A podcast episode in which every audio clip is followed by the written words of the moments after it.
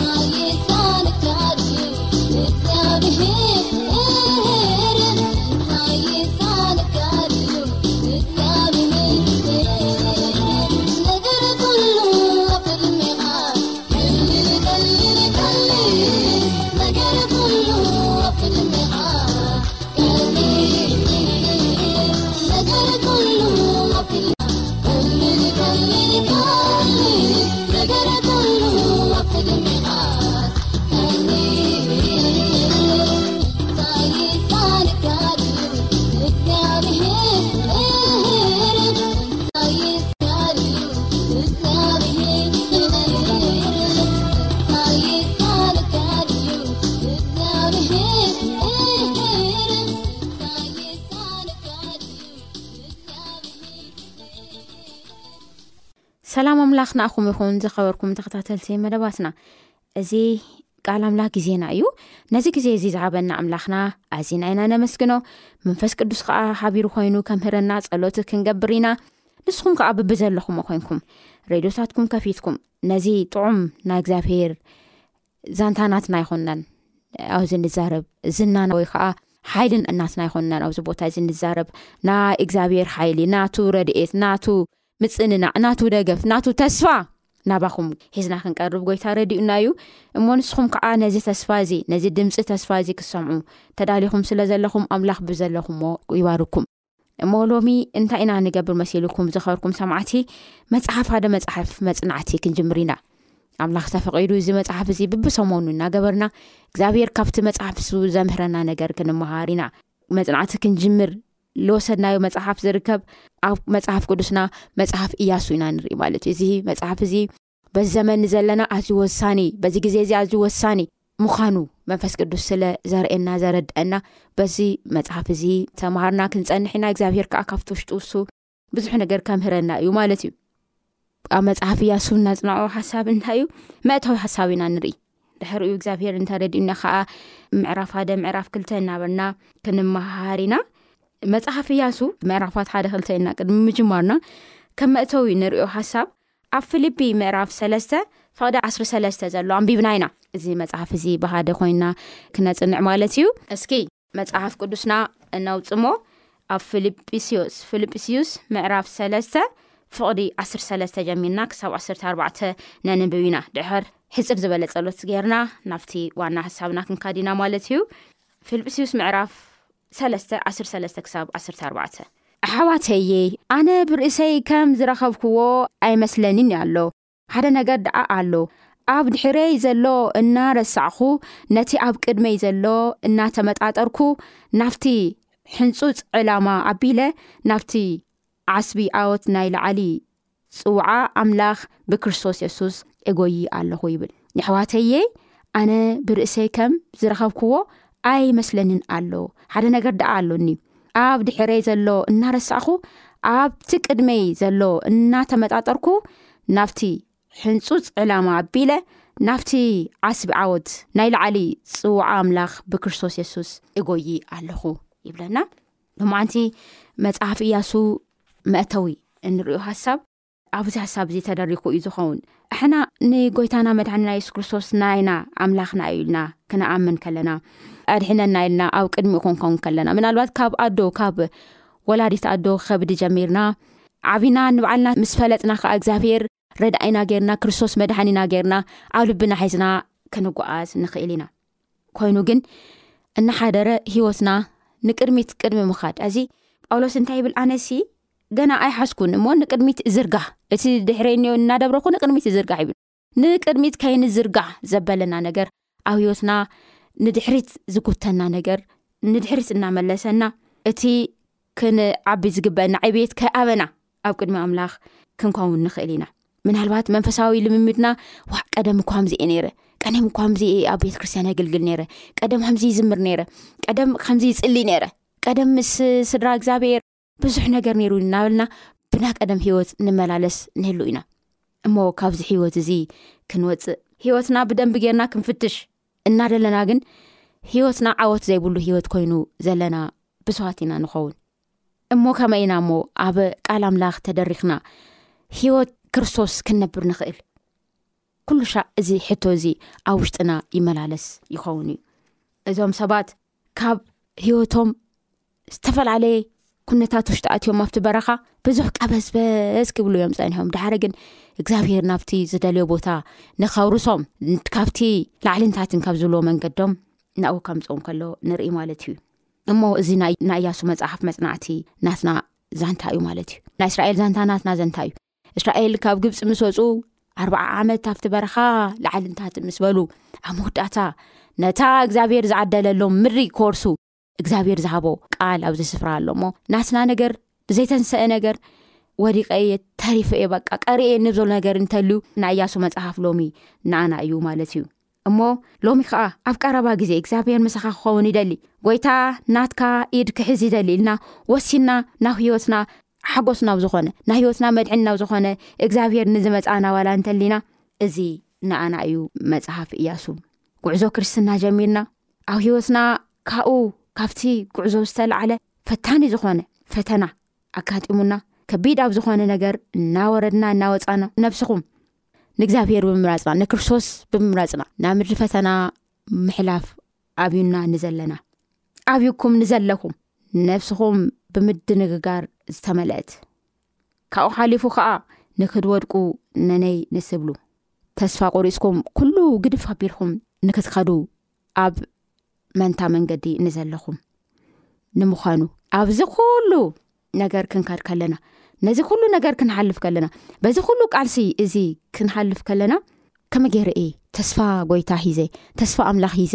እቲ ተስፋ ጨቢፀሲ ከመ ገይረ እየ እዚ ነገር ክሓልፍ ዝኽእል ኢላ ንተሓትት ነፍሲ ኣብዚ ግዜ እዚ ብዓ ነፍሲ ንእግዚኣብሄር እናጠየቀት ዘላ ነፍሲ እንተልያ እያሱ መጽሃፍ ነዚ ሕቶ እዚ መልሲ እዩ ማለት እዩ እቲ ወሳኒ ሕቶ እቲ ቅዱስ ቃሉ ከም ገይርኩም ክትጭብጡ ከም ዝኽእሉ ተስፋ ይህበና ማለት እዩ ኣብ እያሱ መጽሃፍ መጽናዕትና እዚ ኩሉ መልሲ ክንረክብ ኢና መጽሃፍ እያሱ ህዝቢ እስራኤል ካብ ምድረ በዳ ካብ በረኻ ካብ ምቅብዝባዝ ኣምሊጡ ርስቲ እግዚኣብሄር ክጭብጥ ብዓወት ዝተጓዕዘሉ ጉዕዞ ዝትርከልና መፅሓፍ እዩ በዚ መፅሓፍ እዚ ንሳላሳ መዓልትታት ሓቢርና ክንፀኒሕና እስራኤላውያን ንዓወት ጉዕዞ ተጓዒዞም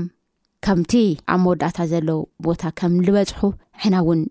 ሓቢርና ንዓወት ጉዞ ክንጓዓዝ ኢና ሕና ከም እስራኤላውያን እግዚኣብሔር ጎይታ መድሃኒና ኢየሱስ ክርስቶስ ኣብ ሰማያዊ ስፍራ ብዝባረኸና በረኸት ተባሪኽና ኢና ኣምላኽ እስራኤል ኣምላኽ ናትናውኑ እዩ እሞ ናብቲ ዘይጠፍእ ርስቲ ከዓ ናብቲ ዘይጠፍእ መንግስቲ ከዓ ተመሪፅና ኣለና ነዚ ርስቲ እዚ ከዓ ካብ ምርካብ ኣንጻር ብዙሕ ዘቐረየና ነገር ኣሎ ምናልባት ህይወትና እቲ ዝሃበና ርስቲ ካውርሰና ዛዳለልና ኣምላኽና ብዘይምርኣይ ንዕንትና ተሸፊኑ ካብቲ ንነብሮ ናብራ ኩሉ ሰልችዩና እንተልዩ ካብዛ ሰዓት እዚኣ ጀሚሩ ብጸሎት ኣብ ቅድሚ እግዚኣብሄር ብምዃን እዚ እስራኤል ዝኸድሉ መንገዲ ክንኻድ ነዚ መንገዲ እዚ ክንምርምር መንፈስ ቅዱስ ይሓግዘና መፅሓፍ ቅዱስ ካብ ንነግረና ዓበይቲ ዝኾኑ ዛንታታት ሓደ ናይ እስራኤል ዛንታ እዩ መፅሓፍ እያሱ ከዓ እንታይ ይብል ውረሱ ይብል ማለት እዩ ውረሱ መፅሓፍ እያሱ እቲ ዋና መልእክቲ ውረሱ እሞ እዚ ናይ እያሱ መፅሓፍ እዚ ክነፅንእ ክንጅምር ከለና ሕና ብዓወት ተጓዒዝና ብክርስቶስ ተወሃበና ርስቲ ክንወርስ ዘልዓለማዊ ርስቲ ክንወርስ ክንናፍቕ ልብና ክንሕዞ በዚ ቃል እዚ ከተባብዕኩም ፈቱ ዝኸበርኩም ስድራ እግዚኣብሄር ክንዳየናይ ኢና ርስትና ዝጨበጥና እቲ ንጓዓዞ መንፈሳዊ ጉዕዞና ንዓወት ጎዳና ድዩ እቲ ብክርስቶስ የሱስ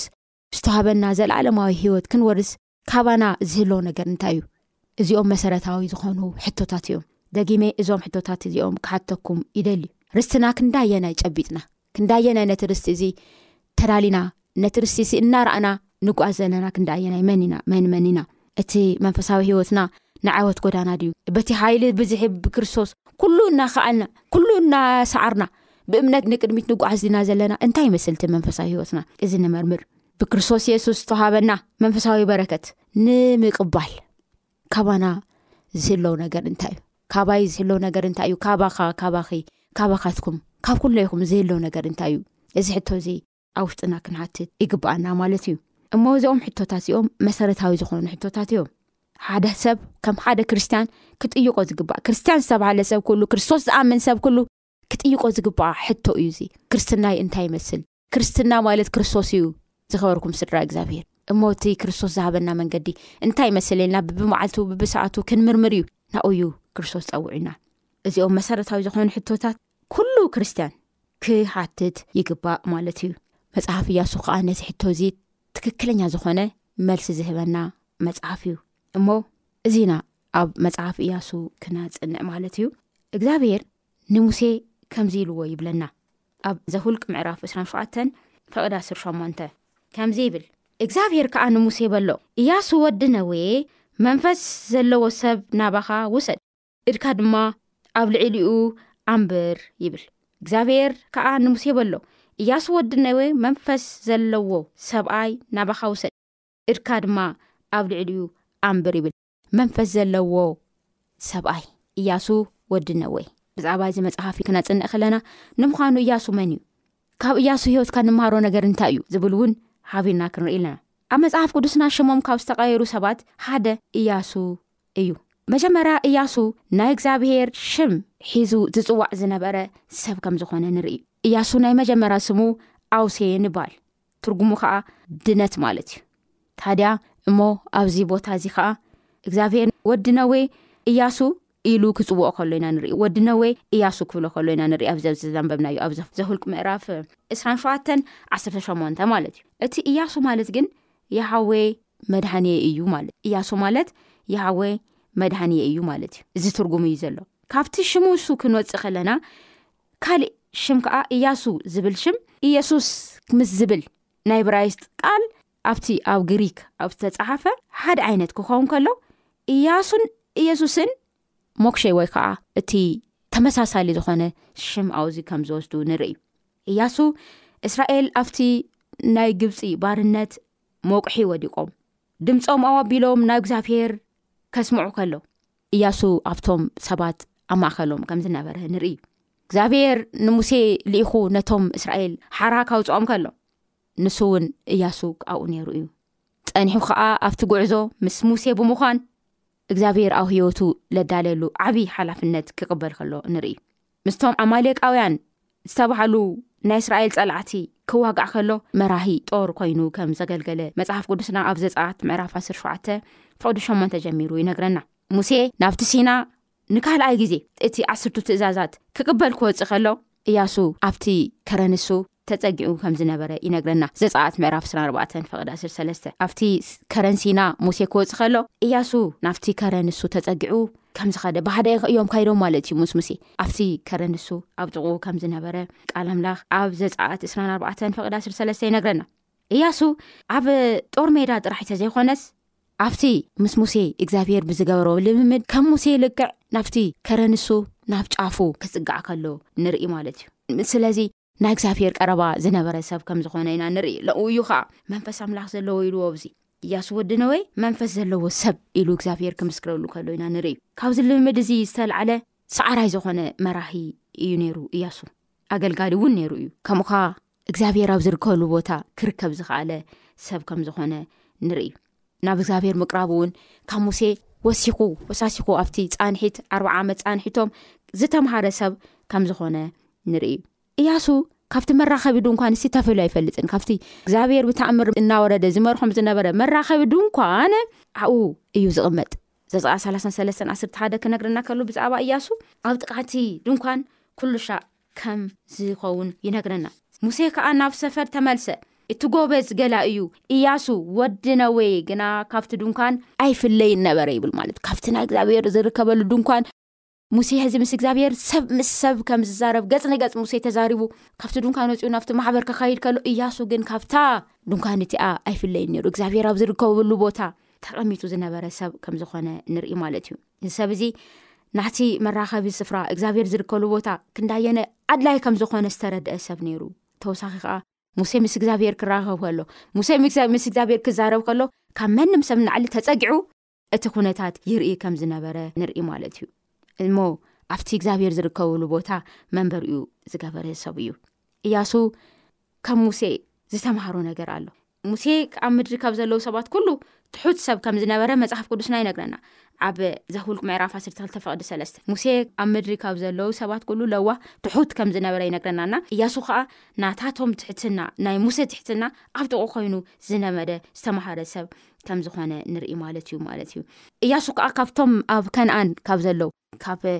እስራኤል ናብ ከነኣን ካብ ዝተሰደዱ ሰላያት ሓደ እዩ ነይሩ ክስልል ዝኸደ ሓደ ከም ዝኾነ ንርኢ ማለት እዩ እያሱ ምንም እቲ ዝረእዎ ነገር ተስፋ ዛቁርፅ ዋላ እንተነበረ ምስ እግዚኣብሄር ክነፃፀር ከሎ ግን ምንም ከም ዘይኮነ ተመሊሱ ብድፍረት ዝመስከረ ሰብ ከም ዝኾነ ንርኢ ማለት እዩ ክርስትያናዊ ዝኾነ መራሒ ብእግዚኣብሄር ዝምራሕ ሰብ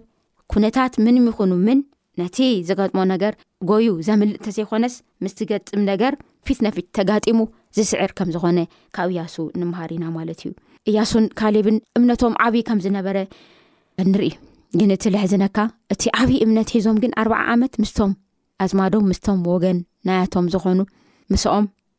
ኣርብዓ ዓመት ክንከራተቱ ከለዉ ኣርብዓ ዓመት ኣብቲ በረኻ ክኸውን ከሎ ንረኢ እሞ ኣብቲ ቦታ እሱ እያሱ እንታይ እዩ ተማሂሩ ትዕግስቲ ተማሂሩ እዩ እዚ ዓብዪ ትዕግስቲ ኣነ ለይበደልኩ ከለኹ ከመይ ገይረ ምስ ኩሉ ሰብ ከምዚ ዓይነት ዕጫ ዝበፅሐና ይበለን ኣብቲ ኣብ ማእኸል መከራ ትዕግስቲ ዝተምሃረ ሰብ ከም ዝኾነ ንርኢ ማለት እዩ እዚ ትዕግስቲ እዚ ከዓ ኣብ እያሱ መፅሓፍ ንሪዮ ኣመራርሓ ከመይ ገይሩ ክመርሕ ከም ዘለዎ እግዚኣብሔር ዘርኦ ሓደ መንገዲ ከም ዝኾነ ንርኢ ማለት እዩ እያሱ እቶም ኩሎም ሀዚ ተዛረብናዮም ነገራት ብምሕላፍ ብምስልጣን ምስ ሓለፈ እግዚኣብሄር ንእስራኤል ክመርሕ ከም ዝሓረዩ ኢና ንርኢ እሞ መሪሑ ከዓ ናብቲ እግዚኣብሄር ዘዳልየሎም ናብ ከነኣን ናብቲ ምድሪ ከም ዛብፀሆም ንርኢ ማለት እዩ መንፈስ ዘለዎ ወዲ ነወ እግዚኣብሄር ኢልዎ እዩ ስለዚ ብዛዕባ እያሱ ንፈልጦም ካልኦት ነገራት እውን ይህልው እዮም እቲ ሰናይ ዝኾነ እቲ ሕያዋይ ዝኾነ ባህር እዩ ኣብዚ ክንገልፅ ከለና ነቲ ህዝቢ ካብቲ ዝነበሮ መንገዲ እያሱ ከስግር እግዚኣብሄር ከድህን እግዚኣብሄር ናብቲ ተስፋ እሱ ከእቲ እግዚኣብሄር ዝሃቦ ጠንካራ ዝኾነ መራሂ ምዃኑ ክንገልፅ እሞ ካብዚ ነገር እዚ ንርድኦ ነገር እንታይ እዩ መንፈስ እግዚኣብሄር ዝኣረፈሉ ሓይሊ ኣምላኽ ኣብኡ ዝሰርሐሉ ሰብ ከም ዝኾነ ንርኢ ማለት እዩ ነቲ ህዝቢ ሒዙ ክሰግር እግዚኣብሄር እያሱ ዝብል እዚ ሰብ እዚ ምስ ዝመረፀ እቲ ዝኽእሎ ነገር ብብዓሉ እተዘይኮነስ ብቅዱስ መንፈስ ሓይሊ ጥራይ እዚ ጉዕዞ እዚ ክጓኣዝ እግዚኣብሄር ዝረድኦስ ከም ዝኾነ ንርእዩ እያሱ በዓሉ ምድሓን እግዚኣብሄር ንክርኢ ከምኡ እውን እቶም ዝመርሖም ህዝብታት ምድሃን እግዚኣብሄር ሪኦም ንኡ ካክብሩ ነቲ ህዝቢ ብከምዚ ዓይነት ልምምድ ንክመርሕ እግዚኣብሄር ነዚ መንፈስ ዘለዎ ሰብ እዚ ከም ዝመረጸ ኢና ንርኢ እዚ መንፈስ እዚ ንኩላትና ዝተዋሃበና መንፈስ እዩ ብእያሱ ዝነበረ መንፈስ ሕያው ከምኡ ከዓ ቀረባና እዩ ልቡ ፈቂዱ ንዝኸፍት ሰብ ኩሉ መንበሪኡ ኣብኡ ዝገብር መንፈስ እዩ እሞ እንታይ ይብለና ኣብ ሉቃስ ወንጌለ ሉቃስ ምዕራፍ ዓሰርተ ሓደ ፈቕድ ዓስር ሰለስተ እምበኣርሲ ንስኻትኩም ኳእ ክፉኣት ክነስኹም ንደቅኹም ጽቡቕ ህያብ ምሃብ ካብ ፈለጥኩም እቲ ኣብ ሰማይ ዘሎ ኣቦ ግዳ ንዝልምንዎ ክንደይ ኣብዚሑ መንፈስ ቅዱስ ዘይህቦም ይብለና ማለት እዩና ምስ እያሱ ዝነበረ መንፈስ እግዚኣብሔር ሎሚ እውን እንተሓቲትና ኣብ ጥቓ ልቢ እግዚኣብሔር እንተኮይና ንኣና እውን ክህበና እግዚኣብሔር ተዳለወ ከም ዝኾነ ንርኢ ማለት እዩ እሞ መእተዊ ናይ እያሱ መጽሓፍ እዙይ ዝመስል ሕጽር ዝበለ ጸሎት ጌርና ነዚ መደብ እዙይ ክንውድእ ኢና ኣብ ሰማያት ትነብር ፈቃር ኣቦና ንስኻ ንኣይ ዘለካ መንፈሳዊ በረከት እቲ ዝሃብካና ርስቲ ዓብ እዩ ስለዚ ኣመስግነካ ኮይኑ ግን እዚ በረከት እዚ ብህወተይ ከም ዝግባእ ኣይተለማመድኩን እሞ ብዙሕ ግዜ ከዓ ምድረ በዳ እየ ዘለኹ ከም እስራኤል ኣብ በረኻ እየ ዘለኹ ከምኡ እየ ንኣርሰይ ዝረክብ ዘለኹ ኩሉ ሻዕ ሕዚ ግን ነቶም እስራኤል ብዓወት ዝመርሃኻ ኣምላኽ ናብቲ ርስቶም ዝመርሃኻ እግዚኣብሄር ንኣይ እውን ምርሃኒ ኣብዚ መፅናዕቲ እዚ ከዓ ብዝበለፀ ንኣኻ ክፈልጠካ ነቲ ንስኻ ዝለኣካዮ ወድኻ ኢየሱስ ክርስቶስ ክፈልጥ እጽሊ ኣለኹ ካባይ እንታይ ከም ትደሊ ጎይታ ንገረኒ ኣምህረኒ መማዓልቲ መንገደይ ምርሓኒ እቲ መንገደይ ከኣ ምሳኻ ገይረ ብዓወት ክጓዓስ ከኣ ርድኣኒ ካብቲ ካብ ክብሪ ናብ ክብሪ ዝመርሓኒ መድሃን ኣለም እናረኣኹ ኣብ ቅድሜኻ ንቅድሚት ክጓዓዝ ርድኣኒ ብሽም ወድኻ